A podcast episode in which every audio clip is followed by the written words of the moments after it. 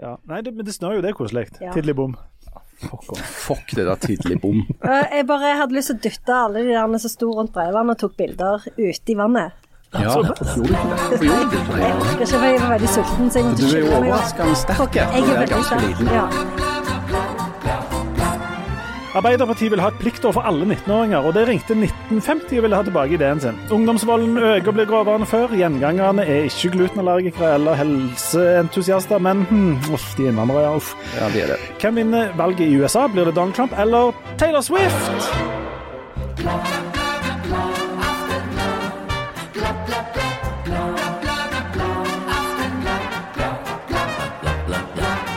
Jeg tipper det blir Taylor. Du tripper på Taylor? Ja, jeg er jo en uh, gjeten politisk spåmann. Jeg visste jo ikke at hun stilte engang, men eh, du Janne, du har eh, funnet ut at hun gjør omtrent det? Ikke sant? ja. Ja. Er ikke Taylor et guttenavn? Jeg vet ikke, det er jo et etternavn. John Taylor og Andy Taylor fra uh, Duran Duran. Ikke minst. Ikke i slekt. Hæ? Interessant nok. Det er sant. Men altså, med, ja, Taylor, guttenavn. I går så, så vi et innslag på uh, nyhetene med ordføreren i Vang i Valdres, heter som heter Gjøran. Og Det er ei dame. Gjøran Taylor. nei, nei. nei, nei. nei. Gjøran. Taylor. Nei, Gjøran Swift. Ordfører i eh, Vang i Valdres. Ja, var det med G eller J? Hæ? Gjøran. Nei, jeg vet ikke. Er Ja, det var, ja, det var en G der. Det Ja. var. Nei, Nei? nei, det var uten G. Det var ja. det som gjorde, er det det som gjør at det er et jentenavn, da? Ja, er det, jeg bare antar det. For det, Gøran med G er vel Det er jo ikke språkforskeren. Ja. For Gøril Det er Ja. du som er Er ekspert på navn og navn, norske jeg. Hvorfor begynner jeg å snakke om dette som om jeg aner hva jeg snakker om? Dette er et godt tema. det, det, det er Visste dere forresten at det, det er bare i Rogaland at Jone er et guttenavn? Nemlig. Nei. Jo. Dette er sannheten. Og jeg har hørt at Nei, eh, det tror jeg ikke på. Jo, du skal ikke lenger enn opp til opp, eh, sø- søndre deler av Hordaland, Vestland, så er Jone et jentenavn. Visste dere at Janne er et guttenavn i Sverige? Ja, Janne Johnsen. Hvem, nei, det er jo eh, rådmannen. det Fordi Janne og Kari Jeg tenker på Janne Karlsson. Janne og Kari er, er lesbiske i Sverige, men eh, mannlige homofile i, Finland. Altså hvis de er et er par. ikke sant? Ja, ja, Ja. nemlig. Dette er veldig forvirrende, men det er jo verre når det er, når det er sånn kommuneforvirrende. For Jørund, Mm. guttenavn. Nei, Jentenavn. ikke Jørund. Gjøran. Gjøran. Ja. Jørund hadde jeg skjønt. Gjørund hadde jeg jo skjønt. Det er Nå har jeg mistet interessen for dette. Vi går videre til noe annet. Og før du mistet interessen, Jan er jo et jentenavn i engelsk. Ja. Ja. Men Janny, Janet, Janet, du er vel mer enn Janet. Jeg er vel mer enn Jane. Ja, du er det. Ja. Men nå har jeg mistet interessen for det. Har, du, har, har dere fått um, Det har jo begynt å snø igjen her på våre trakter nå. Det er så sinnssykt Jeg er så kritisk til dette. Altså, en ting. Nå har vi holdt ut det der vinter, og de snakker om global oppvarming. My fucking ass. Det har jo aldri vært så kaldt noensinne, og så mye minusgrader. Nå har du blitt en sånn mann i kommentarfeltet. jeg er en mann i kommentarfeltet. Så, That's what January does to you. Ja, så holder vi ut snø ute, det er ikke hele global oppvarming. Desember og januar var jo hvit i januar. Eh, Altså, ikke på den måten, men det var jo snø og drit og lort. Så holdt vi ut, og det var jo kanskje tidens lengste januar. Så er du ferdig, og så en dag så kjenner du et lite snev og vet alt i lufta. Jeg tenkte her en dag i forrige uke, da var det oppimot fem-seks grader. tenkte jeg, å, kan det være vår nå? Og så så jeg at det begynte å spire Jeg bitte litt i det. og tenkte nå, Snøklokka. nå er vi ferdige. Så jeg tenkte å pakke vekk den altfor varme jakken og de fæle skoene. Hva så skjer da? Jo, da er det rett i bånns med temperaturen, så snør det, og nå er det blitt is. Men eh, Frossent slaps. Vi var jo litt positive, prøvde å være positive til dette med snø for ikke så mange uker siden, for vi, fordi vi trodde vi var kvitt det, antageligvis. Nå er vi imot igjen. Ja. For jeg, òg hørte en dag jeg var ute og steik, hørte jeg en fugl som hadde begynt å brøle. Så tenkte jeg OK, når de begynner å brøle, da går det jo mot vår. Og til, så tenkte jeg ja, ja, ganske fint. Var det en brølende spurv? Ja, jeg tror det var en spurv. Men er, dere, er vi veldig overrasket over at det Hvor langt er vi kommet nå? 39. januar eller noe sånt? At det eh, 78. snør? januar var det i går, så da er det vel 79 Ja, i jeg har mista litt tellingen, men jeg tror det er 37. 39. Ja, Ja. 39. Men jeg har jo gått på en, en blunder i klestøyet. Fordi jeg, jeg har jeg, Denne gangen når det ble snø, sånn som du sier, det er så kaldt. Så jeg frøs enda mer. Og så tenkte jeg sånn, jeg orker ikke fryse, men jeg har allerede kjøpt ei sånn dunkåpe som jeg er kjempefornøyd med, mitt beste kjøp ever. Mens i dag så orker jeg ikke fryse på føttene, så jeg tok på meg noen sko som jeg egentlig ikke pleier å gå med. Ja. Hva slags sko er det du har på deg i dag? Anne? Oi, oi, oi! Det, Oi, oi. det var jo i går det var Liku Babyen og, og samefolkets dag. Altså så tenkte jeg, for jeg skulle jo ha undervisning i dag, så jeg tenkte er dette kulturell appropriasjon? Det er det. Er det sosialt akseptert? Nei, det er det ikke. Nei, er det òg dyrehatende? Ja, for det, Jeg tror, jeg tror faktisk at du må gå. Du, Altså, du må slutte som professor Ja. i engelsk språk. Vi må fortelle folk hva det er gjerne har på beina sine, for det er vel sko som i utgangspunktet er eh, har vært forbeholdt eh, den samiske befolkningen i ganske mange hundre år, som plutselig ble hot. Men er det sel? Er, det- er, er det sånn selbarn, eller er det rein? Det er Ja, det vet jeg ikke. reinsdyrbarn. Altså, jeg fikk disse Det er ikke sel, det er jo ikke eskimoer vi snakker om. Eller inuitter, som det heter. skoene var veldig populære når jeg gikk i sjette klasse. Og da klarte jeg å grine meg til et par. Jeg husker de kostet 700 kroner, så de var jo kjempedyre. Eh, Så de er jo hva år er det vi snakker om da? Og da er vi jo eh, Altså, hvor tid Jeg er født i 1974, Oi, det er riktig og så da gikk jeg i sjette klasse. Da var jeg vel tolv eller noe. Ja. Midt på 80-tallet. Ja. 80-tallet. Så jeg har hatt de siden. Veldig god kvalitet. Altså, Det er de samme skoene. Dette er jo det, det som heter skaller, faktisk. Merkelig nok. Nei, det har er de ikke på beina, skaller, for skaller er jo kortere. De Ja, ser jo er- sånn lange. Ja, de er lange. Det er så ikke skaller. Nei, da er det ikke det. Nei, Men er er de, er de, de er veldig gode? selvskinnsko. Selskin... Nei, det er jo ikke sel, det er jo reinsdyr. Det er selskinnsko. Det er Sel. Det er Ja, sel. ja. Jeg har akkurat tatt på det, og Ja. det er typisk sel. Altså, du kan, når, hvis, hvis du tar på de og lukker øynene, så kan du se Jo, for deg de, nå, små, de- de, de, de runde bedene øynene til selbarnet før hvis hakepiken glir inn. Nei, hvis dette er noe som er samisk, så er det jo nødvendigvis ikke lagd av sel. Da er det jo lagd av rein. Jeg vet ikke om det er samisk. Jeg, det er bare føler liksom at jeg at jeg er en ekstremt Det problematisk er- person det som er- har de på. Det skinner fra en liten reinsdyrbaby. Nei, men Drit nå i hva de er lagd av. Problemet er, Det eventuelle problemet er om, Janne har, uh, om det er kurant for Janne å gå i sånne Det er jo ikke det. Det er Du har ikke det. appropriert. Ja. eh, og må Jeg kan jo liksom godt reise til Syden og lage meg sånn rasta. Det må du Å, herregud. Du må ikke tenke på det engang. Du har jo en høyt uh, gasjerte stilling i akademia. Du kan ikke gjøre så sånne ting. Enn så lenge. Altså, jeg, eh, jeg bare altså, Du driver jo og så gir Klaus Moen påskudd til å Ja, å sparke deg nå. I know it. Og så sto jeg der foran studentene og tenkte sånn Dette er ikke bra. Nei, det er Dette er ikke bra, men jeg, men jeg hadde det samtidig så enormt behagelig. For det er jo som å sveve på ei pute og gå med disse skoene, og de er så varme. Og det er bare åh, Det er derfor samene er så lykkelige hele tiden. Er det det? Ja, Men de er jo ikke noe lykkelige. Det var ironi. Å ja. Men jeg, så, jeg har jo se, jeg, når jeg både tatt på Du sko forstår ikke ironi heller! Jeg har tatt på Som er jeg har tatt på skoene dine. Jeg er tatt på skoene dine Ja. og sitt under de, og det som jeg kan slå fast, er at det ikke var veldig mye kaldt siden 1986. For det er jo fullt spor, de er jo ikke slitt i det hele tatt. Nei, men jeg har brukt de ganske mye, faktisk. Ismug. Jeg pleier kvalitet. Hvis det er snø, og det er mørkt, så pleier jeg å ha de på når vi går tur. Eh, og så har jeg brukt Fordi at da er det ingen som ser at du har de på. Ja, for at jeg har jo vært bekymra for dette lenge, så det er første gang jeg har de på liksom i offentligheten, på en måte. I postmodernismen, Ja. på en måte. Ja. Men er du, er du, tenker du Er dette ekte tanker om at du lurer på om du kan gå med sånne sko? Ja. Eller er det en sånn litt sånn rollsitte ha-ha-tanke? Nei, det er litt ekte. Og så Før så var det sånn jeg ville ikke gå med de fordi jeg gjerne tenkte de var ikke så fine, men det bryr jeg meg ikke så mye om lenger. Nei. Så det får gå som det går, tenker jeg. Mm. Så det er mest det med at jeg Pluss det er jo skinn, liksom. Det jo, hva, skal jeg begynne å gå med minkpels nå òg?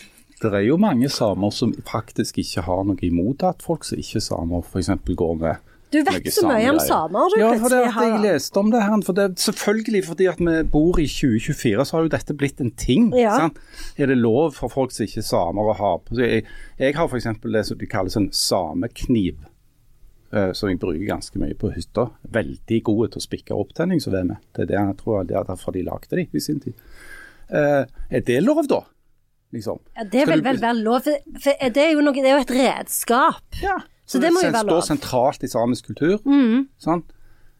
Jeg tror ikke du kunne brukt det. Jeg kunne kanskje brukt det, men ikke du. Du måtte gått av. Du må slutte. Dette, dette er komplisert, men det, det er jo vinteren som har, har lokka fram dette her. Ja, det Vi er, har For nå orker jeg ikke mer. Nei, sant? Det har gått med sånne sko som blir våte hele vinteren, eh, og jeg har tålt det, men nå er jeg eh, Nå orker jeg ikke mer. Vi har en kollega som jeg, jeg, jeg tror dette er, er resultatet av en masteroppgave i endringsledelse på BI, men jeg er litt usikker. Eh, Men vi har en kollega som heter Elin Stuland, som har kartlagt eh, eh, årstidene på Vestlandet. Dette med årstider. Ja, og hun har kommet fram til at det følger dette mønsteret. Først har du det som heter hovedvinter. Sånn, jul pluss minus. Den begynner jo Ja, slutten av. Slutten av oktober, sikkert. Ja. Hovedvinter, og så kommer lurevår. Det var jo det vi hadde forrige Ja. Det var den uke. dagen i forrige Den uke. dagen i forrige lurevåren. Og folk begynner å poste sånne bilder av sånne ting som blomstrer og spirer og går. Så etter lurevår kommer vinter. Eh, og så har du da eh, nesten vår. Så nå er vi i vinter.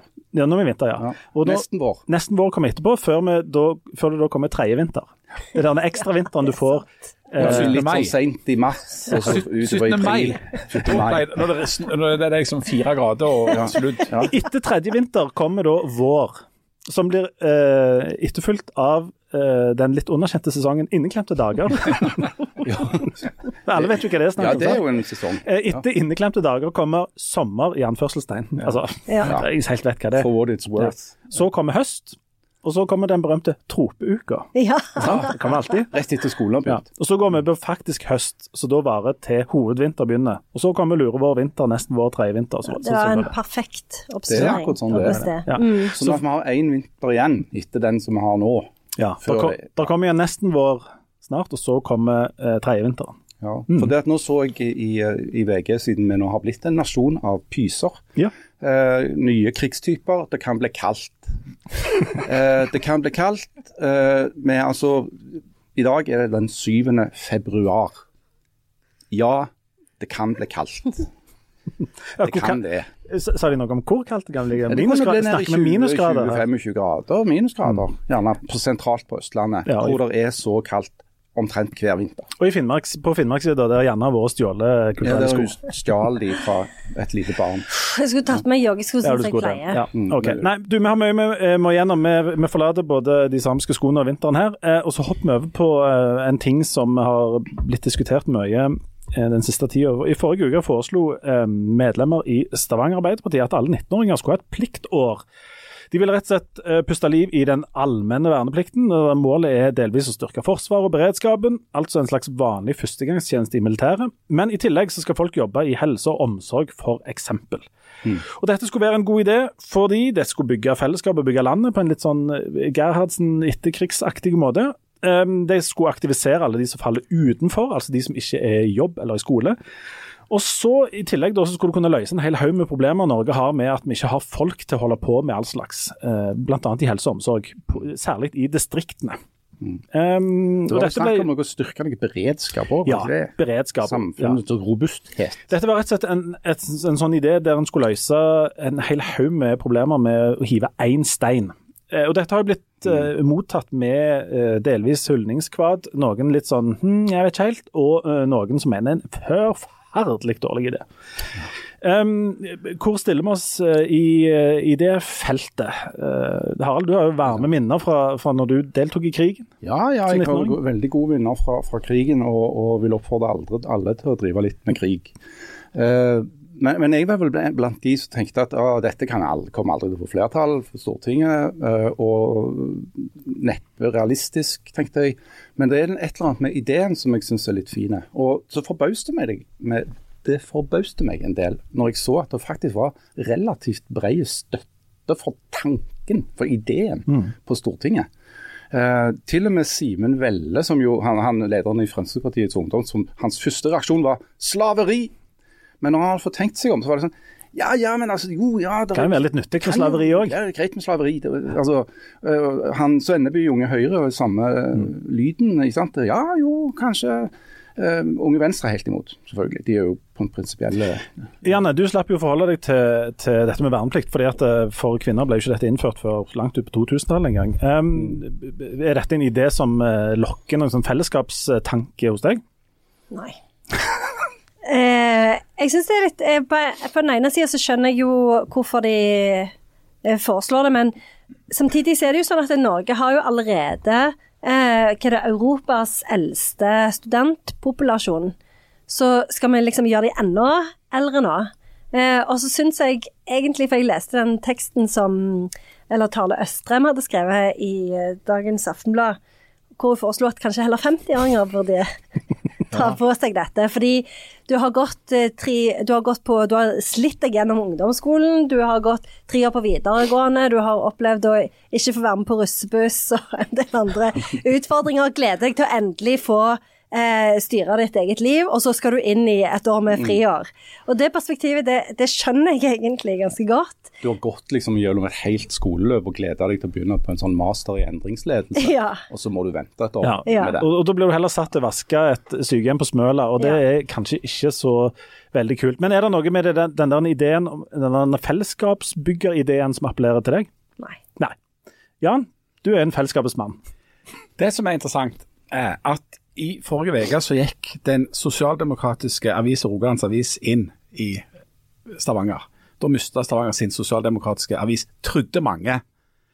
Så viser det seg at vi har fått en ny sosialdemokratisk avis, representert ved leder- og kommentaravdelingen i Stavanger Aftenblad, som nå plutselig har overtatt den rollen der.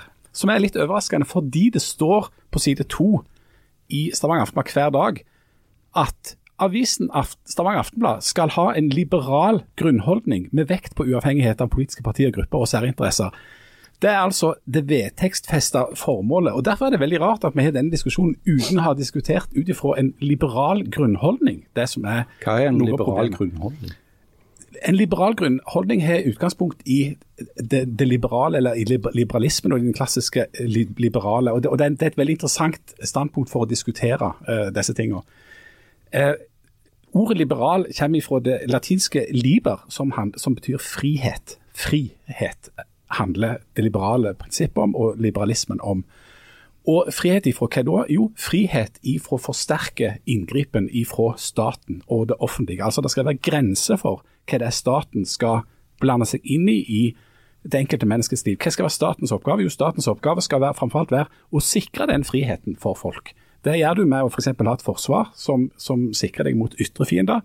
Og så skal du ha lov og rett og en del sånne tjenester i, i landet. Og så er det hele tiden en diskusjon, for at du, eh, Samtidig så blander jo staten seg inn. Det er, det er på en måte, det er det også innenfor det liberale eh, full åpning for f.eks. å ha en velferdsstat. altså det, Så det er jo ikke sånn at vi ikke bidrar til et fellesskap i dag. Vi betaler en masse skatt, eh, såpass høy skatt at eh, det siste utvalget som uttaler seg det denne uka, mener at, eh, at det skattetrykket kunne vært lavere fordi det er så mye penger og det er så stor offentlig sektor. Sånn at, men, men, men det viktige og interessante prinsippet her som gjør at jeg tror at dette forslaget framfor alt kommer til å skape stor begeistring i Høyre og i Frp, og ikke minst FPU på framtidige skoledebatter, det er om staten skal i enda større grad gripe inn i voksne og folk sitt liv og si at de må gjøre, de de må drive en plikttjeneste på et eller annet.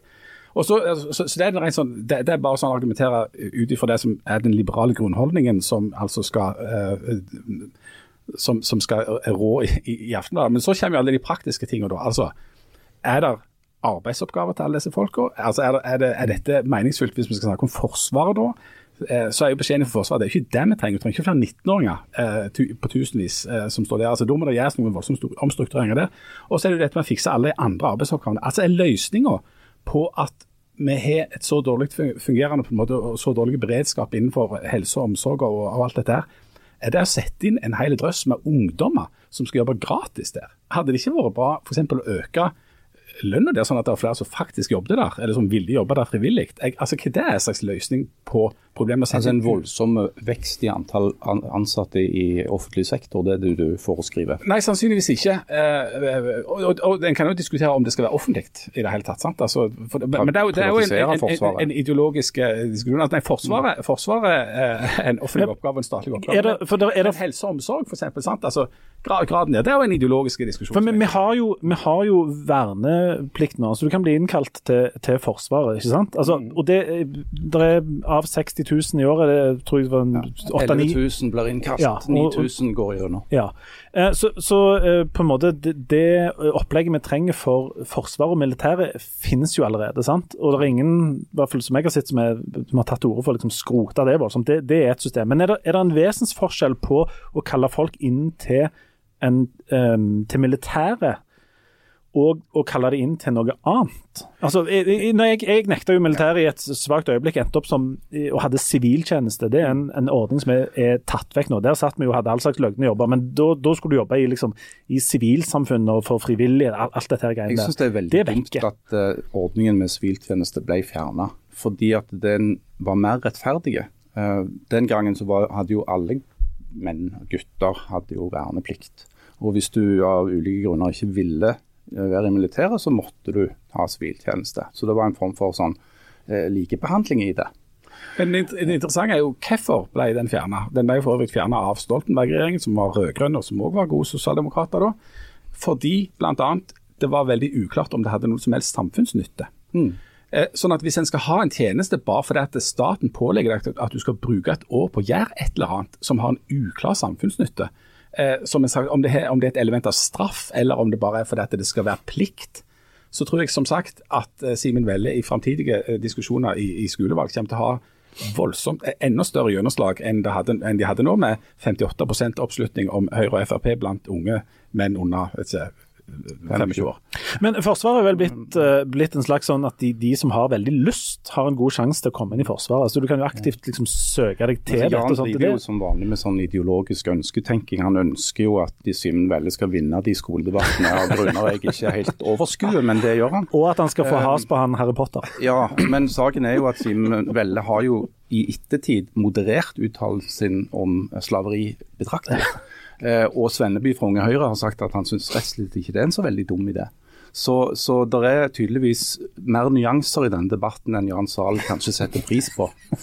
Eh, Men jeg skjønner ikke helt hva som skal være poenget med det. Er det for å styrke beredskapen? Er det for å styrke fellesskapsfølelsen? Hva, hva er liksom tanken bak? Jeg, eh, Og og det var akkurat det jeg òg tenkte på. Det. Ja, svaret er jo ja. Altså, jeg jeg syns òg den der tanken om en slags sånn s- stor sånn nasjonalt fellesskapsprosjekt var veldig forlokkende. Men eh, jo mer du tenker på at én sånn en ting skal Når dette ble presentert, så virka det som om det skulle løse alle problemene vi hadde. Eh, Både for Forsvaret, for en sånn generell beredskap for helsesektoren, for distriktene og, og ja, om- omtrent alt. Det var rett før de skulle begynne med digitalisering og det grønne skiftet i tillegg. Um, og sånne løsninger som, som um, plutselig dukker opp på et sånt idéseminar, uh, og som løser alle problemene vi har, de er det nok grunn til å være litt skeptiske til om det vil fungere i Jeg tror fortsatt ikke at det er mulig å gjennomføre i praksis. Nei. Men det som jeg tror er litt stilig med det, det er den der diskusjonen som oppstår eh, rundt det. Altså ideen. At vi diskuterer ideer av og til kan være litt eh, fint. Eh, og at eh, hvis du ser dette i sammenheng med f.eks. det arbeidet som blir gjort i den såkalte totalberedskapskommisjonen, så er det jo sånn at vi har et ganske lite forsvar i dette landet. Vi har ganske få soldater.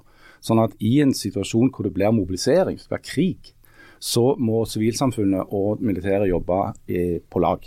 F.eks. så er ikke militæret engang i stand til å brødfø seg selv. De er nødt til å kjøpe mat og drikke i det sivile samfunnet. De må ha helsetjenester fra det offentlige helsevesenet. De må ha eh, infrastrukturtjenester fra det sivile samfunnet.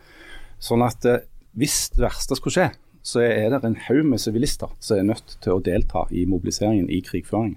Enten de vil eller ei. For det er sånn vårt samfunn er organisert. Og en, en bekymring det går an å ha, det er at hvis dette limet i dette samfunnet blir for svakt, så vil vi ikke klare den jobben. Eh, Jeg tror vi er allerede i dag ganske dårlig forberedt på en sånn krisesituasjon.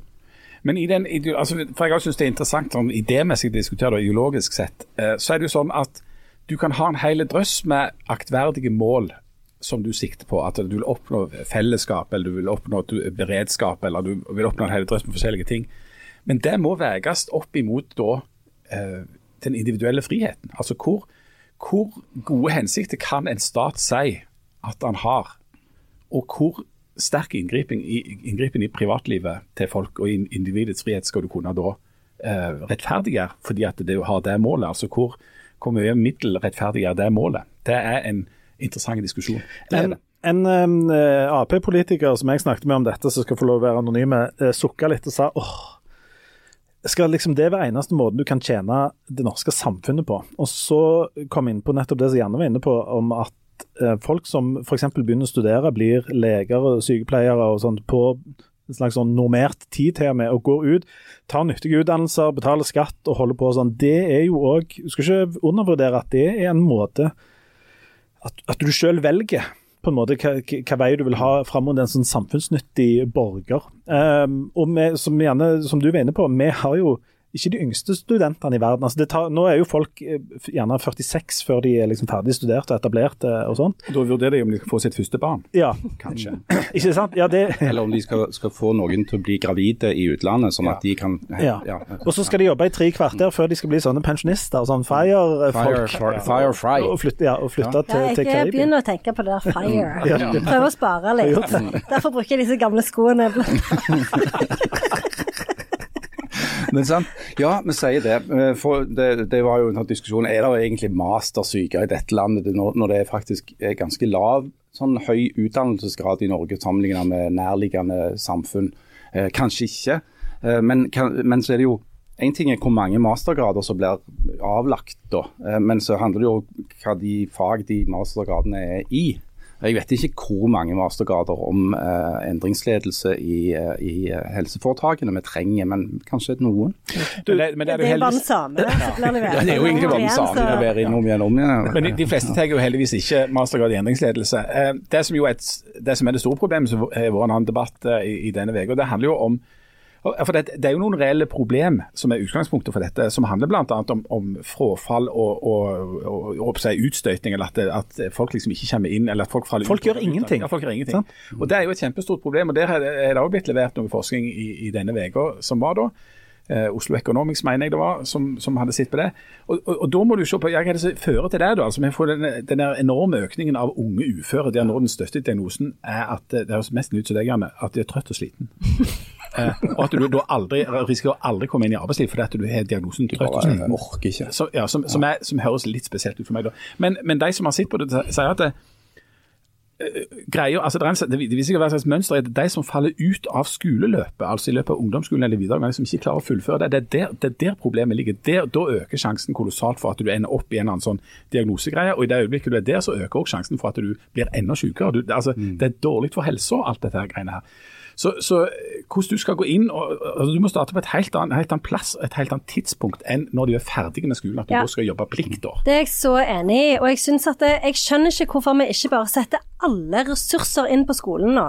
Sånn jeg synes liksom at det, eh, vi burde eh, høy, øke statusen til læreryrket. Vi burde gjøre sånn at folk hadde lyst til å bli lærere, ikke bare pga. lønn, selv om jeg skjønner at lønn er viktig, men òg pga. Liksom at vi burde gi lærerne mulighet til å eh, legge opp sin egen hverdag mye mer, gi dem mye mer autonomi. Vi burde gjøre eh, skolen mye mer sånn eh, hva det heter, mangefasettert, sånn at den ikke var så teoretisk. Vi burde legge mer fokus på kunnskap, ikke bare sånne rammer. Altså, det er så enormt mye vi burde gjort med skolen, og det er jo der løsningen ligger. Så jeg skjønner ikke hvorfor vi ikke gjør det. Det er en herlig naiv tanke å, å, å tro at de som har datt ut på en måte i 9. klasse og ikke fullført videregående, at de vil få seg et voldsomt løft fordi at de får jobbe på et storkjøkken på Setermoen når de er 19. Det er nettopp det. Altså, det er liksom jeg bare jeg kjenner på den der leden. Oi! En enorm lede. Har du, har du fått lede? Å, det minner meg om sånn når du var barn og så var sånn Skal du ikke gå ut, det er så fint vær ute. Det i ett år. Ja. Det Samtidig, samtidig som vi sitter og ønsker oss at flere skal, skal bli, eh, ta master i endringsledelse, så er det jo også sånn at vi trenger, trenger 90 000 nye fagarbeidere i dette landet i løpet av ti år. Eh, hvor skal de komme fra? Ved å Storkjøkkenet på Setermoen. revolusjonere skolen. Altså Begynne med tidligere. 90 000. Begynne med barneskolen. Altså, gjør nå- noe. Gi dem mer penger. Gi mer ressurser. eh, Kjør på. Nå har i alle fall Kari Nessa Nordtun, mener jeg det var, satt av en masse milliarder til at de skal kunne bygge om skolebygg. Sånn at de blir mer praktiske, at det er mer sånn sløyd og håndarbeid. Ja, det er bra. Og sånn. Eh, og, men eh, fremdeles er det liksom Det er alltid så mye sånn fluff. Sånn, jeg syns jo det er viktig at de ikke bruker skjerm 24-7. Og det er kjempebra at Karin Nessa Nordtun eh, prøver å fjerne for mye skjermbruk i skolen. Men liksom Det er Jan helt imot, for det, han mener at det. bryter med de liberalistiske prinsippene. det, det, er ikke, det er ikke de liberalistiske prinsippene. og det er der du... måte- liberale. Jeg, jeg, kunne, jeg kunne bare sagt at fordi at det var Arbeiderpartiet, da, så, så eh, setter jeg likhetstegn til liksom kommunismen. Men det er grader og grenser. Men det er altså et liberalt utgangspunkt, og det, og det er et, et, et sosialdemokratisk eller et sosialistisk utgangspunkt som det er grader og grenser av. Sånn at det, at det sosialliberale og det sosialdemokratiske tangerer jo hverandre og møtes i, i, i sentrum. sant? Men, men det er litt ulike eh, ideologiske utgangspunkt, og der altså Rogalands Avis var plassert i den sosialdemokratiske leiren, mens Aftenbladet kommer fra en liberal tradisjon som en gammel venstreavis, som vi heldigvis ikke lenger er, men vi har en annen grunnholdning da. Ja da, og så går jo an å snakke om dette her som en slags eh, At en, at en tar den tanken om verneplikt. Um, at alle har verneplikt, og så kan den verneplikten inneholde forskjellige ting, da. Altså At alle ikke skal ta til våpen. Jeg vet ikke om det gjør, gjør uh, på en måte lettere eller vanskeligere å krangle med det prinsippet om at folk skal få lov å bestemme sjøl. At, at alle har verneplikt. Ferdig med det ett år. Så enten så er du i militæret, eller så gjør du noe annet. Ja, eller så må du på en måte, men det må være et eller annet nyttig du skal Ja, gjøre det altså, for at rettferdige. men hvorfor? Den, det- det er en- den- den- Hvorfor? Jeg skjønner ikke hva problem dette skal løse. Den skal løse alle jeg blir surere og surere. Den skal løse alle løse alle problemene. Skal løse alle problemene. For eksempel nå er det jo snø ute, sant. Så kunne du hatt en hel haug med sånne toppmotiverte 19-åringer ute som gikk med sånn skufla snø foran bussen. Men da er det jo ingen som kan ta Instagram-bilder. Og da er det jo bare måkt Vi overalt. kan jo si at den første halvtimen etter at det har snødd, så, så blir det ikke måkt, for da er det Instagram. Og så begynner de. Sender ut folk i et plikttjeneste. Ja. Så, Ta det vekk. Og, må- og kjenn på fellesskapet. Altså Det som hadde skjedd vet du, med disse 19-åringene, det er at de hadde blitt hyra til all slags sånn eh, Kirkens Nødhjelp og Ja. sånt for å være SoMe-ansvarlige. Ja. Og så hadde de gått rundt og tatt sånne Instagram-bilder. Ja, og sånn. de hadde, alle hadde jobbet på, på TikTok for Ja. Norsk Folkehjelp. Og lage sånn Ja. dansevideoer. Den der dansen. Herlighet. Det er ikke, det er ikke håp. Skulle du ønske har du ikke hadde sett det? Hæ? Skulle du ønske du ikke hadde Jeg skulle ønske jeg ikke hadde sett det. Men nei, eh, ja. Det er um, det, det, Dette hadde vel uh, brødet inn i noe som òg er sånn høyaktuelt for en del av disse 19-åringene, nemlig dette friåret. Eh, og det er jo den første gangen i livet der du, du er ferdig med alt som heter plikt, plikt, plikt, og så kan du endelig bestemme sjøl. Um, Nei, du har først så har du jo vært grøftefodel i to måneder. Jo, jo. Sant? Ja. Fordi du har hatt uh, frihet under ansvar som russ. ja. Uh, og så Ja. skal du ha et friår. Men nå skal jo staten da eh, bestemme at uh, det er ikke lov å ha, ha mobiltelefon når du er inne i staten sine bygninger. Og Og du så, bør, bør. ja, bør, ja, uansett. Og så har du ikke lov å være russ i- inne i staten sine skoler. Og når du endelig er ferdig med dette frihetskamperiet, så skal du opp på felleskjøkkenet på Setermoen og koke hamburgere. Hva er det med det der felleskjøkkenet på Setermoen? Jeg har faktisk vært Jeg får så vondt inni meg av å tenke. på Jeg vet ikke hvordan det ser ut, men jeg kan innbille Du, meg. når jeg hadde siviltjeneste, jeg var jo militærnekter, og da eh, var det sånn i, i, når jeg hadde dette, du nekta militæret, så var det en militærfyr på stasjonen som så på deg, og så tenkte han ja, ja, vi har ikke noen nytte hverandre likevel. Så måtte jeg reise opp til Hustad leir, det var landssvigerleiren. Ja, det var der de internerte sånne sånn, som hadde hatt litt feil Ja. holdninger. Så der, så der havna vi. Vi måtte ta tog opp, eh, først til Oslo, så til Åndalsnes eller noe sånt, og så bli frakta opp til noen forblåste greier der oppe. Og de som drev storkjøkkenet der oppe, det var eh, en gjeng, eh, 50-50 Jehovas vitner og folk med store sosiale problemer, som nekta militæret. Og um, Ja, for de, de er jo sånn totalnekter. De er totalnekter, De, nekta ja. alt. Da måtte de bare være der oppe i den leiren. og jeg kan si mye godt om Jehovas vitner, men akkurat innen det kulinariske, Der var det ikke så. så var det helt middels. Og, der, og der fikk vi da en del av straffen, tror du ikke det? og der fikk vi da eh, kokte hamburger. Ja, ja, ja. Men, men for, det, for det, det, det kan høres forlokkende ut å løse en hel drøss med problem, men, men det kan også potensielt være en helt ekstrem ressursløsing. Å binde opp en drøss med folk i sin mest vitale alder på å gjøre noe der det er veldig uklart hva som er poenget i det. Ja, Altså jeg er det. 1000 enig. Det, det, var- det var derfor en kutta ned eksempel fra hovedfag, som noen av oss er, eh, som brukte, brukte altfor lang tid på. Vi brukte seks-sju år på å gå på universitetet, til en master som skal ta fem år. For dette er Fire og et halvt hvis du bare kopierer. Ja, ja, ja. ja. Det, det er sløsing å ha folk gående med, til å ikke gjøre et eller annet. Nei, for dette er jo som, som, som du sier, altså 19-åringer i sin beste alder, som skal bruke den, sine beste tid eh, på å være på bananabar på Bali, eh, innsmurt i et eller annet mens de tar selfier. Ja, ja, ja. Ja, og hvis det er en slags sånn fellesskapsøvelse, så er jeg ikke så sikker på om fellesskapet er så veldig trua. Vi har jo snakket om det før, hvor mye frivilligheter er i dette landet. Det er ganske mye fellesskap. Ja, ganske mye tvang òg, da. Ja, ja, men det, er- men det er jo er indirekte sånn sosial, koselig tvang. tvang. Ja. Og det var jo ikke mangel på folk som var med og trakk lass under covid heller, så Nei. Og hvis problemet er de der som Var det mange som trakk lasset, da? Ja, du ja. trakk lasset. Gjorde jeg? Jeg trakk lasset. Jeg gikk ikke klasse jeg satt lasset. Han Harald satt bak på vognen og ble trukket. Jeg satt og, ble trukket mens jeg svingte pisken. Ja. Jan satt nederst og holdt bordet opp sånn mens han trakk Nei, det var jeg som var framme og trakk der. Ja, det, og du holdt jo Jeg holdt alt oppe. Bak gikk det en hest og sa 'kom an, nå'. Ja, nei, det, Da landa vi den diskusjonen fint. Vi tar, vi tar en liten pause med, så er vi snart tilbake. Kan vi ta en lang pause, eller? Veldig bra. Ta lang pause. vi.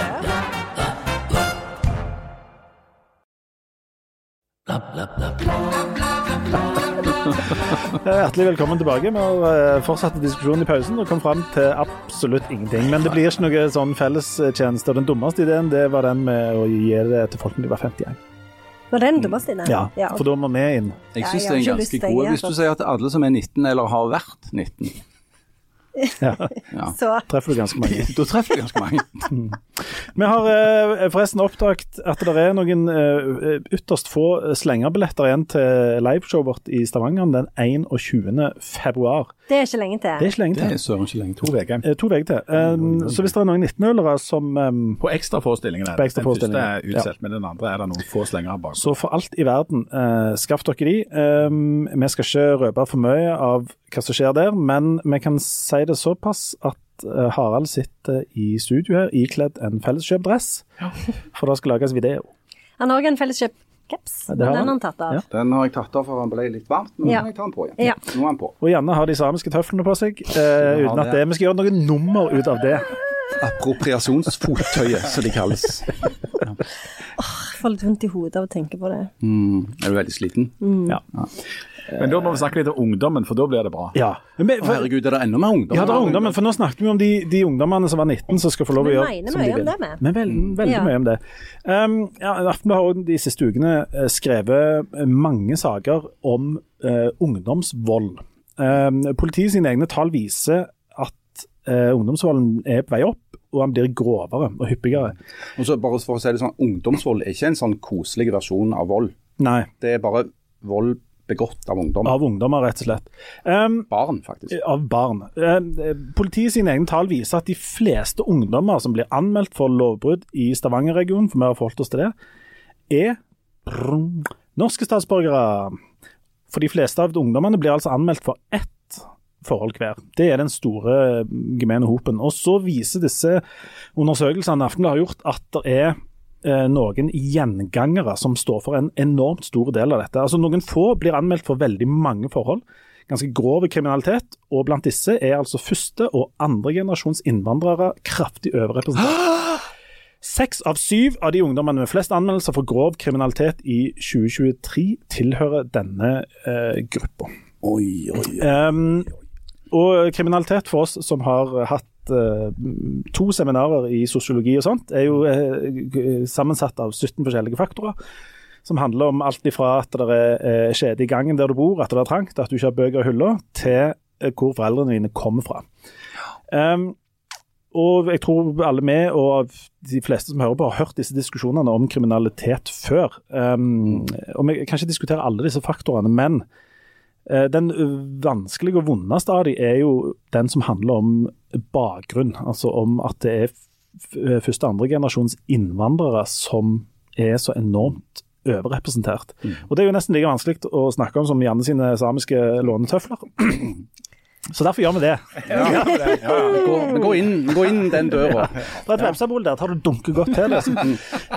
Em, eh, nei, dette her er jo, er jo fakta. Det, ja, men det, men det, og det er jo så vanskelig at det har, det f.eks. Dagsrevyen og NRK blitt kritisert for å ikke ville si. Altså, Det har vært veldig lite snakk om bakgrunnen til uh, en del uh, gjengangere der, da, rett og slett.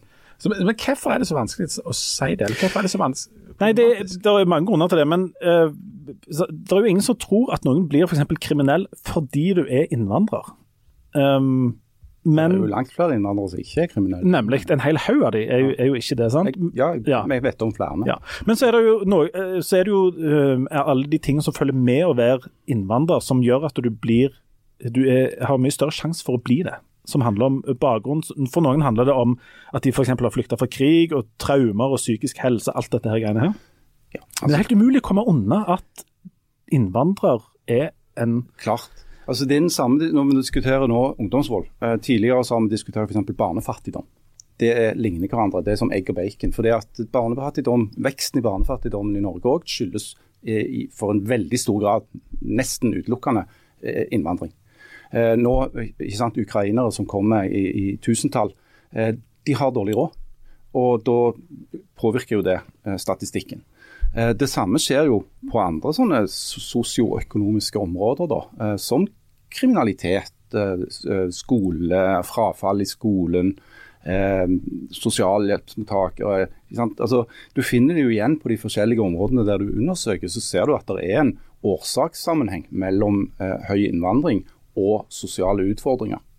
Eh, og Ungdomsvold er jo òg en, eh, sosial, utfordring som samfunnet har nå. Sånn du har eh, en bekymringsfull utvikling. Oslo er jo kroneksempelet hvor dette har vart en stund, der du har hatt helt åpenbare tendenser til sånn gjengdannelser, gjengkultur.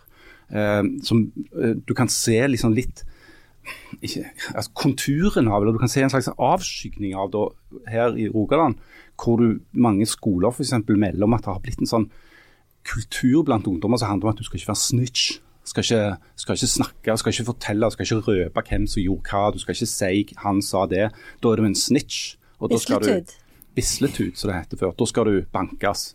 Du skal, ikke, du skal ikke fortelle lærere eller foresatte eller foreldre eller politiet i verste fall noen ting for da er du en sviker. Og Det handler om at du har fått inn en form for importerte kultur, vil jeg si.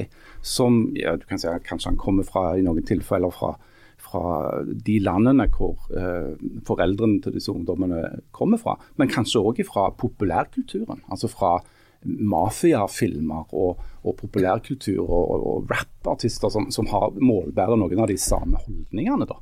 Jeg hører òg sånne historier fra um folk jeg kjenner som er, er, lærere, og det er fort, fort å bli litt sånn anekdotisk i historiefortellingen her, men at uh, de f.eks.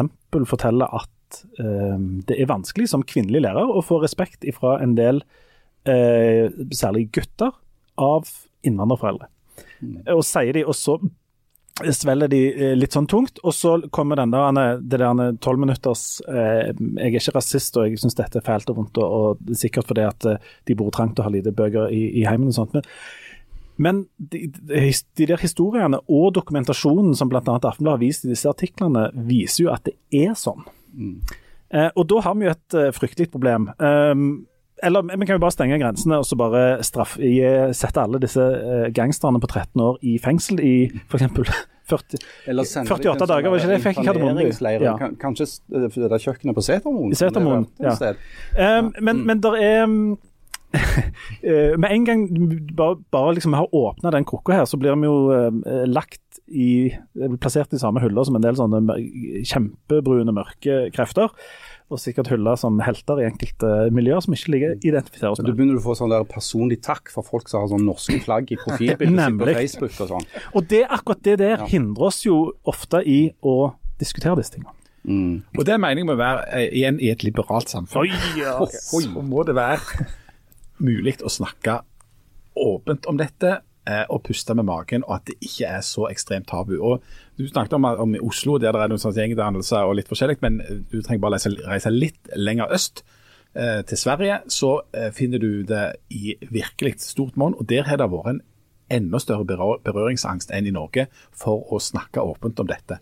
For det er, at det er ikke tvil om at det er, noen, eh, noen, noen konsekvenser av innvandring eh, som, som, en må, er nødt for å forholde seg til, rett og slett. Mm. Og Så kan en diskutere nivået på innvandring, og hvor mange eller hvor få, eller mm. hva som skal være vilkårene for innvandring. og sånt. Men, men, uansett så er det noen konsekvenser med innvandring som liberale demokrati, om det er Norge eller borti USA nå, der det er altså avgjørende for at Ukraina ikke får hjelp for tida fra USA.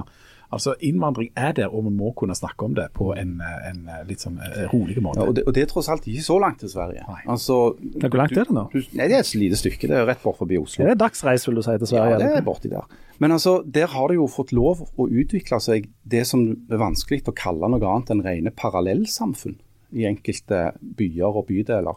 Eh, som, og, og hvor òg kriminaliteten har endra seg veldig fra Eh, det en ser i Oslo nå, er, det typisk liksom sånn lavterskel gjengkriminalitet med, med, med, voldsbruk, knivstikkinger, skyteepisoder, krangling om områder. Altså, her skal jeg selge dop, ikke du.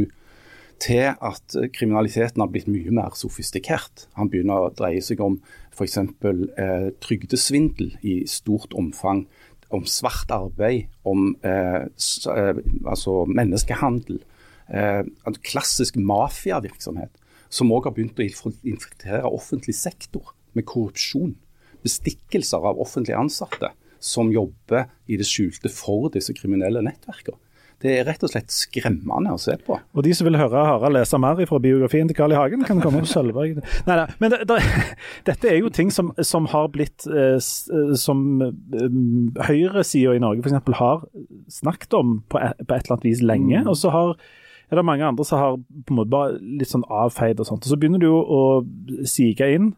Um, lenger og lenger inn mot midten, i alle fall. Um, ja. Og er, vi der nå at, vi, at dette er fritt og åpent og helt lov å snakke om? Jeg bare eh, tenker at det er jo viktig å snakke om det, men det er jo viktig å snakke om det eh, ikke bare som en sånn å hjelp, eh, dette er jo et kjempeproblem, eh, men liksom f å faktisk tenke hvordan kan vi løse det. Og det er jo, altså det er jo mye utenforskap, sånn som du sier, dette handler om. Og der har jo alt fra enkeltindividet til staten et ansvar. Så dette, vi må jo snakke det vi må jo snakke om det som noe vi er tjent med å løse. Og, og, og det eh, igjen så er det jo ikke sannsynligvis løsningen med dette her nå. Fellesskapsåret, som jeg kaller det. Nei, det. er plikten vår som er løsningen. Ja, det, så det må jo settes inn mye tidligere eh, enn det, og det må være noe som en er obs på, og som en er realitetsorienterte på, eh, og som en er fokusert på å løse. Men der ligger noe, der ligger en sånn eim av eh, kultur og ære og sånne ting på, på en litt sånn så jeg kaller det en litt sånn unorsk eh, måte da, bak dette her. sant? Eh, Gjengdannelser eh, og det der med at du skal ha voldsom respekt og alt dette her. Um, og det, det passes jo dårlig i, i, på 17. mai i Norge, når vi står og hyller Erik Bye og krigsseilerne og, og de. Det er en kar eh, som heter Gulam Abbas. Det tviler jeg ikke på. Egentlig heter han Abbas Gulam, men la, nå, la nå det gå. La oss ikke bruke en time på å forklare men han hvorfor. var- Eller si navnet i rett rekkefølge. En av Norges mest ettersøkte kriminelle, og ble også, hadde jo den tvilsomme æren og ble utpekt til Norges farligste mann av jeg mener det var VG menn? en gang i tiden.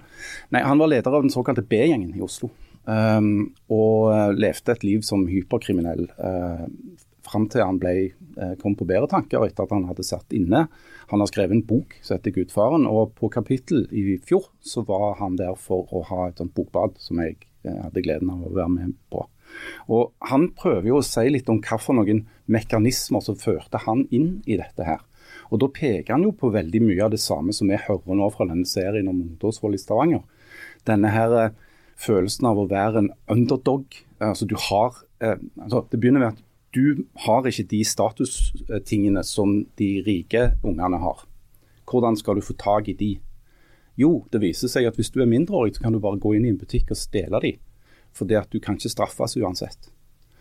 Eh, du opplever at, du har å gjøre med politi som opptrer mer som sosialarbeidere enn som politi. Nettopp fordi du er mindreårig, men òg fordi at de har beskjed om at de skal gå varsomt fram. Dette er sårbare ungdommer osv. Så, så utnytter du den svakheten i systemet til å begå grovere og grovere kriminalitet. Du begynner å selge narkotika for å finansiere forbruket ditt. Du får et narkotikaproblem sjøl. Eh, så begynner volden. Og Da handler det om å sette seg respekt. ved at det eneste måten at dette her greiene skal fungere på, det er jo at de andre er reddere for deg enn du er for de. Du må være grenseløs i din vilje til å bruke makt for å nå dine mål. For hvis ikke så vil de andre ta deg med en gang. Du har ikke råd til å vise svakhet. Høres ut som medarbeidersamtalen vår, men OK. Ja, Dette er akkurat det samme som jeg snakket om i forrige uke. Altså, du kan ikke vise svakhet. Du må vise vilje til å bruke rå vold. For det, det, det er det som gir deg respekt. Eh, Du går med kniv fordi at du vet at hvis du ikke går med kniv, så er det en annen fyr som har kniv, og da kommer han til å vinne den slåsskampen. Sånn, Så du får en form for sånn terrorbalanse mellom disse her elementene. Og, og det, er, altså det er jo helt sånn banale psykologiske mekanismer. Sant? Usikkerhet, eh, trang til å, å få tak i ting du ikke har. En følelse av å være Det er oss mot de, det er oss mot samfunnet. Det er bare vi i vår lille gjeng som, som er, vi er brødre. ikke sant? Det er ofte det. Det er bror. ikke sant? Du er broren min. Det er jo litt den samme mentaliteten de bygger opp i militære avdelinger. sant? Du er liksom kameratene dine. Det er alt som betyr noe. Og så er det interessant å se hva slags effekt det da har på et samfunn. For hvis du har noen sånne som holder på rundt på den måten der, så skaper jo det, det forsøket på å skape seg respekt eh, i visse miljø, fører til frykt og uro i storsamfunnet og, og, og det som ligger rundt, og ikke minst så skjerper det jo på en måte fordommer da, mot f.eks. innvandrere sånn i stort. Altså, eh, Du sa seks av sju av de som, som, som eh, gikk igjen her, hadde innvandrerbakgrunn. Men snak, vi snakker altså om sju til ti personer. Men de står for mange tilfeller selv, men vi, vi snakker fremdeles om var det noen og 50 eller 100 eller et eller annet sånt. som. Så, så med tanke på hvor mange tilfeller eller mange personer det er, så er det en helt utrolig stor effekt de har på hele liksom, samfunnet. Jeg, eh, jeg sier til, til min sønn når han sier at jeg, ja, jeg har lyst til å stikke ned til byen. Nei, du skal ikke, er det sånn på kveldene? Nei, du skal ikke gå ned til byen på kveldene. Jeg vil ikke, vil ikke ha deg der. For jeg vet at det er visse plasser i byen der tolv år gamle gutter ikke bør gå. Og folk som ikke vil eh, sende ungene sine for eh, f.eks. bare ta bussen fra, fra byen. Og det, altså, da snakker vi ikke om, bare om tolvåringer, men da snakker vi òg om folk på 15 og 17 og, og sånt. Og det, det skaper jo en uholdbar situasjon, det der. Um, for, for sånn kan vi jo ikke ha Vi vil jo bo på plasser der en 16-åring kan gå inn og bytte eh, buss eh, klokka ni på kvelden for å komme seg hjem. Det handler jo òg om rasisme og opplevd rasisme. Eh, og Det snakker Abbas òg om i boka, som han skrev om dette. her, at Du har jo en følelse av at de ser på deg. sant? Altså Politiet behandler deg annerledes enn andre. Du er, du er på en måte forhåndsdømt, så å si. Og at i noen tilfeller så fører det til nærmest en sånn selvoppfyllende profeti. Eh, og, og, og Det er òg veldig sånn, det er veldig sånn lagbyggende. Sant? For det at eh, vi er en gruppe som er utsatt for denne her nesten sånn institusjonaliserte rasismen fra samfunnet. at de, de tror jo vi er kriminelle bare fordi vi ser sånn ut. Eller fordi vi er der. Hvor skulle vi ellers være? Vi, vi, vi bor i den bydelen. Derfor er vi på, på det der senteret på Furuset. Det er jo der alle henger. Kriminelle og ikke-kriminelle. Sånn, så, så De har jo et poeng der. Altså, når, når de opplever at du blir, du blir på en måte eh, forhåndsdømt. Men så er det vel òg en del nei, forskjeller mellom å bo i Oslo her Ja, men her er det blitt, I Stavanger har det f.eks. blitt bystasjonen. da. sant? Veldig mange av disse hendelsene har, har sitt utspring i om, området rundt bystasjonen. Og Det er jo fordi at alle, det er der alle kommer inn, sant? For de, hvor de måtte bo. Um, så, sånn at det, Jeg sier ikke at Stavanger er Oslo, jeg sier iallfall ikke at Oslo er Sollentuna. Men det er likhetstrekk. Det er, er på en måte mekanismer som ligner hverandre. Psykologien liker. Og til slutt så handler det jo om integrering. For det, at det må det jo ikke være noe tvil om eh, at det er noen regler som gjelder i Norge, og det, det gjelder for alle, uansett eh, hva eh, farge eller nasjonalitet eller hvor du måtte komme ifra. Så det er det å, å ta imot, eller uh, at det ikke kommer flere inn enn at du klarer å ta at systemet, at en klarer å integrere det og klarer å skape et, ett samfunn og et fellesskap, da, for å høres ut som en god sosialdemokrat. Oi! Eh, Og, og med ikke, ikke parallelle samfunn, gettoer, utstøting, alt derfor det er ikke et system til å håndtere det. og Det, det er jo det som er svikta i Sverige. De har hatt en, en innvandringspolitikk, men de har jo knapt hatt en integreringspolitikk. Og så har det jo ikke eh, Det har jo kommet veldig mange i både i flyktningkrise og alt til Sverige, og så har de jo ikke hatt et pliktår for alle 19-åringer der de må jobbe på sånn storkjøkken. Eh, Og det er jo Hadde de gjort det, så hadde de gjort det, hadde de faktisk løst folk som kommer til Norge som eh, innvandrere eller, eller asylsøkere, da, de har faktisk en form for plikter. For det at eh, En vesensforskjell på norsk og svensk innvandringspolitikk har jo vært at i Sverige har det blitt ansett som et overgrep å bestemme hvor eh, nyankomne skal bo. I Norge har det jo en, et system hvor kommunene forplikter seg til å ta imot folk, sånn at du har spredt bosetning. Eh, det har motvirka, eh, til en viss grad i alle fall, en sånn opphoping av innvandrer- innvandrerbefolkning i bestemte bydeler. Eh, Det tror jeg har vært et, et veldig godt integreringstiltak. For det at mange norske distriktskommuner har jo veldig god eh, eh, altså driver veldig godt integreringsarbeid. Bl.a. fordi at i mange norske distriktskommuner så er det jo en voldsom sånn arbeidsetikk. Du, må, du skal jo jobbe, du må komme deg til jobb. Men da har vi løst det problemet òg. før vi gir oss i dag, så må vi, vi, vi diskutere litt eh, hvor ofte vi skal gidde holde på med Urix, uh, bl.a. i, USA. For der er det så mye, er så mye på gang. Der er så mye på tapetet. Det er jo egne podkaster som bare handler om Ja, amerikansk Veld, politikk. veldig spesielt. Veldig spesielt. Veldig spesielt. Men eh, vi skal ha bare bitte, bitte lite eh, hopp der til, eh, som egentlig handler om de, de to eh, som jo kjemper om makta der, nemlig Donald Trump og Taylor Swift. Ja. Um, la oss ta det om eh, Donald Trump fordi at det er alltid, det er alltid noen gode Donald Trump-nyheter. Ja, Eh, og Harald, du skal få eh, tre minutter minus ett til å forklare hvorfor Donald Trump igjen er i vinden. To minutter. Ja, nei, altså det, Forleden dag så var det en amerikansk domstol som sa at Donald Trump nei, han har ikke immunitet. For det har, det har Donald Trump påberopt seg, fordi han er jo under etterforskning og risikerer å bli satt under tiltale for å ha oppfordra til nesten et slags statskupp i forbindelse med denne stormingen av kongressbygningen i januar 2021. Eh, og Siden den gang så har Trump hevda at eh, det han sa eh, i, i timene og dagene før denne stormingen, det var innenfor hans frihet som president. Og uansett, hvis det var gale, så har han immunitet, for det går ikke an å straffe en president. Men nå har domstolen bestemt at sånn henger det ikke sammen. I denne sammenhengen så er han privatpersonen Donald Trump, og ikke president Donald Trump. Eh, Det betyr jo at den anklageren, statsadvokaten i New York, som jobber med eh, saken, eh, står fritt til å gå videre. Men samtidig så må vi huske på at Trump har anledning til å anke. Han kan anke den saken helt til Høyesterett. I Høyesterett så er seks av ni dommere utnevnt av Vent, for, vent på det. Donald Trump.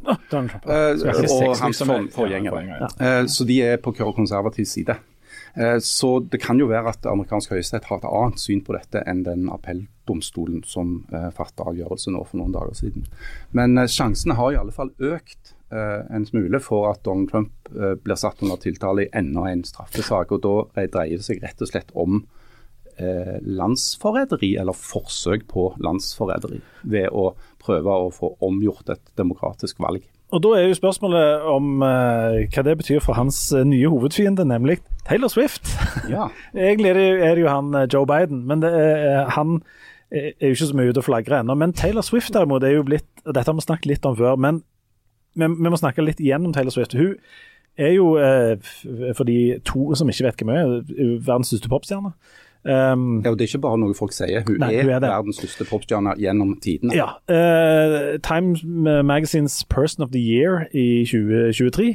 Uh, og den som har solgt desidert flest billetter til sånn verdensturer og sånt. Jeg så et flott bilde av noen som sto i sånn Taylor Swift-kø for å kjøpe billett til en konsert der det var plass til 50 000, og hun var nummer 830 000 et eller annet i, på ventelista. Ja. Nokså populære. Og så har hun, har, hun gått i en slags ikke, clinch med Donald Trump. Donald Trump sine har lagt hun for hat. Hva er det med denne, denne dama som irriterer disse folka så enormt mye? Janne? Mm, nei, men de, men de liker vel ikke sånn kunst eller kultur generelt, så det er vel litt det. Men eh, Jeg tror ikke de liker damer så godt. Nei, det gjør de heller ikke. Men, eh, men nå er det jo Siden ingen liker Joe Biden, og enda færre liker Kamala Harris, så er det vel snakk om at en skal prøve å få Og siden eh, USA har så ung befolkning, eh, og de er så redd for at eh, ikke nok vil feire, eh, stemme på demokratene, så er det jo snakk om at de skal prøve å få Taylor Swift over på si side.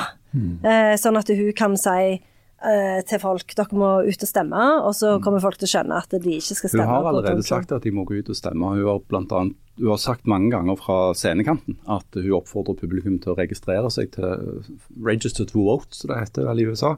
Eh, Men det hun ennå ikke har sagt med så mange ord, det er liksom gå og stem på Joe Biden. Det er jo det som er Biden-administrasjonen sin våte drøm, at verdens største popstjerner skal på en måte endorse de da.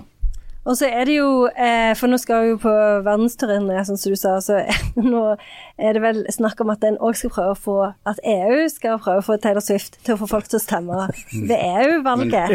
Så Så det er liksom ikke måte på hva er- oppgaver eh, Tay-Tay er skal ta på seg. Taylor Swift Mange tror jo at hun er en popstjerne fra Texas, eller hvor hun kommer fra. Tennessee. Tennessee, som bare holder på. Men hun er jo egentlig CIA-agent. Hun jobber for Deep State. Ja. Eh, for å få forhindre at den lovmessige presidenten, som aldri har tapt et valg, Donald Trump, skal komme tilbake igjen og frelse ikke bare Amerika, men verden.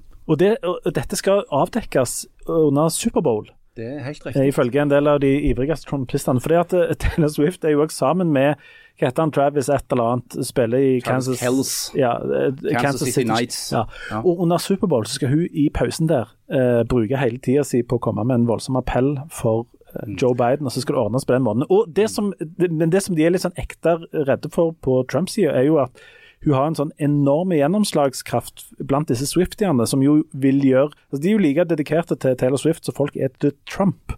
Og hvis hun sier høyt 'gå og stem på Joe Biden', så skal det da hisse opp ungdommen i den grad til at avgjør valget. de er jo rett og slett redde for henne. Fordi Ja. at hun er et så stort popkulturelt fenomen at hun kan faktisk avgjøre valget.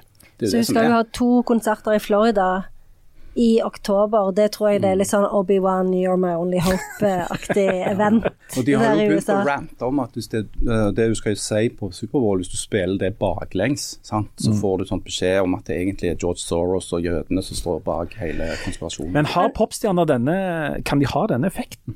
Ja, de kan jo det, og i hvert fall, eh, i hvert fall når en Altså når en Hun har jo en ekstremt sånn eh, Altså, hun elsker fansene sine, så hun lager jo dette her personlige forholdet til fansen. Og eh, jeg så at eh, hun Doja Cat hadde jo blitt spurt om hun elsker fansene sine for en stund siden, og da sa hun sånn Jeg elsker de ikke, jeg vet jo, kjenner de jo ikke engang. Oi. Og da hater jo alle hun, og det er jo det som vi har snakket om før, at det, i denne teknolo eller sosiale mediers tidsalder, så er det jo sånn at du, du innbiller deg at du har et sånn et ekstremt eh, personlig forhold til folk. Jeg hørte på nyhetene i morges at det i år er tre, eh, et eller annet år siden Altså på denne dagen for så og så mange år siden så samla 3000 ungdommer seg på flyplassen fordi The Beatles skulle reise et eller annet sted. Og der, dette er jo Altså nå er vi jo 2024, og den hendelsen har jo liksom blitt ganga med 100 millioner.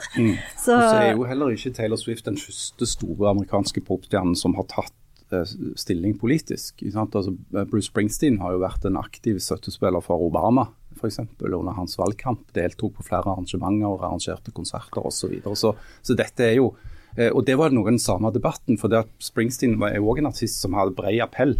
Det var mange Springsteen-fans som er republikanere, og mange av de ble jo eh, av, ja, de ble jo litt provosert da, av at han så tydelig Men har det, har det noe å si, da? Altså, Jeg tror ikke det er så mye å si. Jeg tror det blir overvurdert, men det kan godt ha noe på marginen. Altså Det forrige presidentvalget ble jo avgjort på var det 30 000-40 000 stemmer i sju stater, eh, så det er veldig små marginer.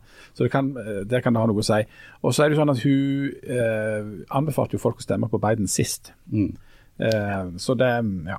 Men, men, jeg men, jeg kan ikke forstå det, og det er veldig rart og det er veldig trist for politikken sin skyld hvis det som skulle få folk til å stemme eh, på noe bestemt Taylor Swift. var fordi Taylor Swift sa det, eller men jeg tror nok sånn det kan ha en effekt på at folk går og stemmer. Ja, det, Det tror jeg. Mm, fordi, og særlig siden altså, er, Vi snakker jo hele tida om, om influensere. Og det er jo ingen tvil om at de som faktisk altså, Vi har jo snakket om dette med kjendiser, om du er kjendis bare fordi du er kjendis. Fordi du har vært med på alle reality-programmene, eller om du er kjendis fordi du har gjort noe. Og det er jo klart at Hvis du er en kjendis som står for et eller annet innhold, at du faktisk har et eller annet kunstnerisk, pro, kunstnerisk produkt i bånn, så vil, jo, vil du jo ha større influens, da. Klart Så at, det, Altså, at du kan få Swift noen til å er jo verdens største influenser òg, sannsynligvis. Altså, hvis hun bestemmer seg for å promotere et eller annet syn, så er det jo millioner av mennesker som tror på henne. Hun, har jo en, en enorm appell. men hvis det var eh, kommune- og fylkestingsvalg i morgen, ikke minst, og det. kirkevalg, selvfølgelig. Ja, og Ja, og, da, og, og de skulle klare å hoste opp én kjendis som skulle få deg til å vippe den ene eller andre veien. Hvem, hvem, hvem har så mye kred i banken av sånne kjendiser hos deg at Eller de hvem hadde i tillegg til Sigvart Dagsland? Ja, i Sigvart Dagsland er Det er noen som lever nå. Ja. Det kan ikke si Jesus. Hvis de skal klare å si noe, så er det mest en forutsetning at det er puls i dem. Altså, hvis de hadde klart å hoste opp Jesus, altså den ekte Jesusen, som kommer og banker på døra di og sier jeg syns du skal stemme på KrF i år, da hadde jeg jo vurdert det. Kanskje Lise Fjelstad. I, i Lise Fjelstad. folkekirke. Hun har jeg beundra i mange år. Jeg husker når hun gikk ut og sa at hun pleide å ta seg et glass vin, og så klippet hun håret sitt sjøl. Da begynte jeg med det med en gang. Og òg det med å stå på én fot når du pusser tennene, det gjør hun. Jeg òg gjør det. Så det er vel kanskje hun som har hatt mest innflytelse på meg. Du går for Lise Fjelstad. Jeg så ikke den komme, men uh, godt valg. Eh, Harald, hvem eh, kunne vippa deg uh, inn eller av pinnen? Av, sånne norske popkulturelle popkulturelle fenomen. Ja, mener det. Det trenger ikke være popkulturell, det kan òg være høykulturell. Mm. Eller kirkekulturell. Eller lavkulturell. Ja, Jon Fosse, tror jeg. altså Hvis han hadde kommet med en klar anbefaling for hva jeg skulle stemme i kirkevalget, så ville jeg nok ha, ha i alle fall tillagt en viss vekt. Akkurat. Ja. Dette har du tenkt mye på, har du ikke det? Voldsomt Ja. jeg tenker på dette. Trenger du forslag? Ja, k- hvem kunne det vært? Uh, Espen Hane? Det hadde jo Ja, vært ja, ja, sjaman ja. Durek. Jan er jo Ja, ja, besatt av ham. Selvfølgelig. Ja. Jeg har ikke fått forberedt noe skikkelig. sånn, Nei, og jeg det vet jeg har ingen Nei. Skal jeg si hva jeg gjør nå? nå jeg har ingen spirituell eh, guidance. Så nå driver jeg bare og hører på ei Spotify-liste som heter Sad 80s. Nå. Så det at, eh, takk for ingenting, Jan. Nei, men jeg skal komme, men det var så altfor mye, og jeg får litt det har hopet seg opp. Men kommer, sjamanen kommer tilbake i forskjellige skap. Ja. Jeg ser tromma ligger her. Ja, jeg tenkte òg faktisk på, på sjamanen. Altså, Men du er- tenkte ikke på Lise Fjelstad? Nei, eh, det var stor mellom de to, hos Sigvart Dagsland. Men um, jeg tenkte på hvis sjamanen i ens ærend kommer og ringer på døra og så anbefaler f.eks. å stemme på, på venstre eller på, på et eller annet, så hadde jeg jo tenkt Du tror han stemmer på Venstre? Ja, jeg tror han er såpass forvirra Hvis han alle hadde andre stemt. venstrefolk at uh... Hvis han hadde stemt. Ja, jeg tror ja. ikke han stemmer av Nei, han Ja, ja. Nei, vi får uh... Steinar Albrigtsen kunne han. OK, hvis Jørn Hoel og Steinar Albrigtsen. Albrigtsen jeg er, alt, jeg er alltid redd for at noen av de som nevner sånn, er egentlig er døde. Jeg måtte sjekke på Lise Fjelstad. Hun er ikke død. Da kommer jo ny biografi om hun nå. Gjør det det? Skrevet av deg sjøl? Nei, hun er Kristin Valla. Veldig, veldig. Veldig, veldig. Er det søstera til han i, til han i FPU? Skatt. Det er mye, mye tyder på at vi burde gitt oss nå. Ja, det Ja, er vi burde gitt oss for en stund siden. Kan vi ikke bare ta oss i oss her? Jo, Men oss eh, alle må kjøpe billetter til det der eh, ekstrashowet, da. Ja, det er ikke så mange igjen, men alle må kjøpe det, de par som er igjen der. Og så eh, gleder vi oss voldsomt til det. Å ja. Så tar vi og kommer tilbake neste uke. Jeg gleder meg sånn middels. Gjør du det? Mm. Jeg gleder På en meg skala fra enn 0 til 10, hvor mye gleder du deg? Fra null til ti. Ja, der 10 er helt sinnssykt gleding. Femmer. Du gleder deg 5. Ellevilt. Ja. Ellevilt. Jeg ligger mellom fem og seks. Jeg òg ligger og vager der rundt 6. Syv. Seks-syv. 7. 6-7. Ja, det var mye. Jan, da? 9? 10? Jeg går jo sånn rundt fem-seks. Altså, jeg mener, hvis det er sånn midt på treet, så mener jeg det, er- det er realistisk, og det er, du skal være fornøyd med det. Men er det sånn, ja. Hvis Lise Fjelstad hadde kommet jeg, jeg, syns vi skal- ha ambisjoner om å levere litt over middels. Ja, ja. Vi skal jo levere over middels, ja, ja, men vi trenger vel ikke glede oss så sykt for det. Nei. Nei, vi er klarer fint å levere kjempebra. Det der å gå rundt og glede seg til ting, det er bare sløsing av er tid faktisk. og energi. Nå burde vi i hvert fall gitt oss. Nei, det er motsatt. Gruing til ting er sløsing av tid. Gleding Ja, til tid er er investering i tid. Ja. Det er jo er noe som gir Jeg er faktisk enig med Jan. Jeg mener er begge deler. Jeg er Skau. Ja, det er det Ja, faktisk. jeg Så leverer har som du- visdom, så etter jeg begynte med sjamanisme, så kommer Ja. sånne små aforismer. Men eh, du har begynt med sjamanisme, men det var et blaff mer enn noe ja, det annet. For det, du har Det er så mange ting som havner oppå hverandre. Jeg prøver å skal sortere det, så klarer jeg ikke å si nei. Vi må ha mer sjamanisme i denne Ja, podkasten. Ja, Men du, si noe som er til slutt så er så bra at vi kan trykke på en kopp. Alle så gale at det ikke er godt for noe.